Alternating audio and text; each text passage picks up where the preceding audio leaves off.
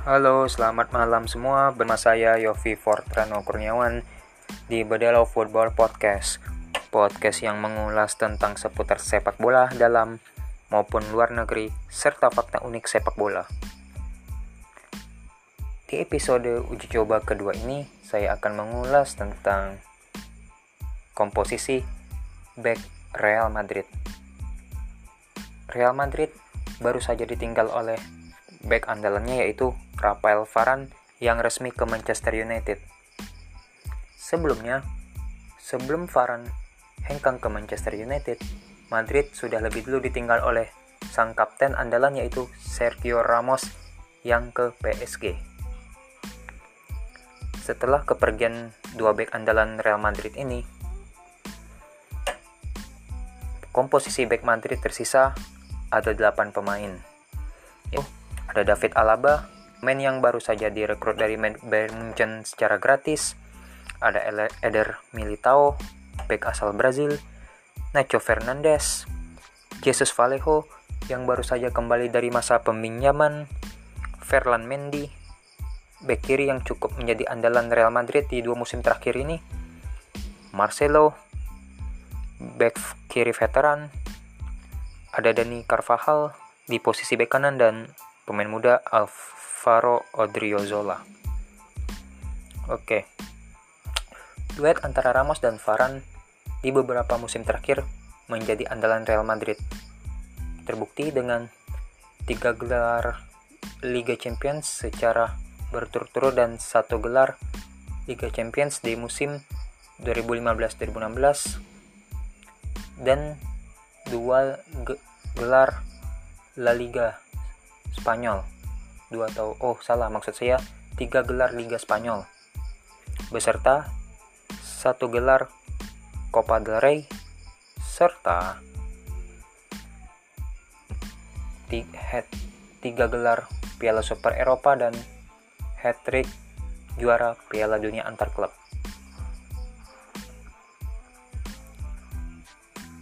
Setelah Madrid kehilangan dua back ini, mau tidak mau, suka atau tidak suka, Madrid harus setidaknya bisa membeli satu back baru. Sebenarnya 8 pemain ini sudah cukup sih untuk menjadi andalan di pertahanan Real Madrid musim depan, tetapi Madrid tidak mengikuti satu kompetisi saja. Selain La Liga, Madrid juga akan mengikuti kompetisi seperti UEFA Champions League dan Copa del Rey sebenarnya dengan Madrid merekrut Alaba di dari Munchen ini sebenarnya lumayan lah. Apalagi Alaba dibeli secara gratis free lagi. Tetapi itu pun sebenarnya belum cukup untuk mengarungi panjangnya kompetisi di musim depan.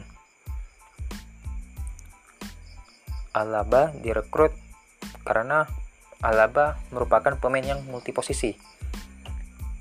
Selain berposisi sebagai back kiri, Alaba juga bisa beroperasi di back tengah, gelandang bertahan maupun sayap kiri. Tetapi itu sebenarnya sebenarnya udah bisa nge-backup juga sih, nge-backup back tengah entah cedera atau entah positif covid. Selain itu juga Duet back Real Madrid musim lalu yaitu Eder Militao dan Nacho Fernandez menunjukkan performa yang luar biasa. Meskipun mereka baru terbentuk chemistry-nya di putaran kedua musim lalu, Madrid menjadi tim yang palingnya sedikit kebobolan lah istilahnya. Apalagi umur Eder Militao ini masih muda, masih sekitar 20 3 tahun. Itu usia emas loh. Sedangkan Nacho Fernandez back senior yang dari yang apa ya istilahnya Nacho Fernandez ini sebenarnya dari Akademi Madrid semenjak usia 20 tahun eh 20 tahun semenjak usia beliau usia 10 tahun. Apalagi sekarang Far eh, Nacho Fernandez sudah diperpanjang hingga 2023 2024 gitulah Selain itu juga ada Jesus Vallejo yang baru saja pulang dari masa peminjamannya. Ada lagi Ferland Mendy, back kiri, back yang menjadi back yang menjadi andalan di musim lalu. Ferland Mendy ini pemain yang sukses menggeser posisi Marcelo yang sudah dimakan usia. Danny Carvajal kita lihat musim lalu sering cedera.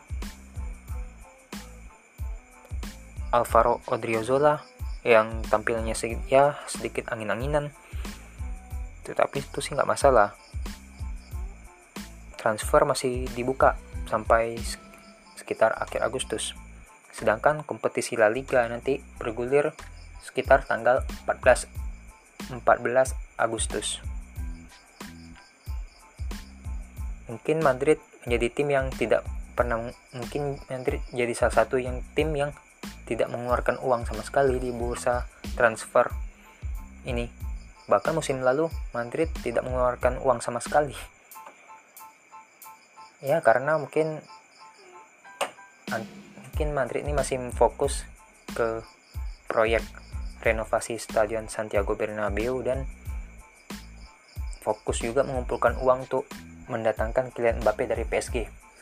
Kebetulan juga kontrak Mbappe di PSG berakhir pada tahun 2022. Sedangkan Mbappe ngotot banget ke Madrid. Karena tak mungkin kan Mbappe pergi dari PSG ke Madrid secara gratis. Yang rugi PSG dong. Ya itulah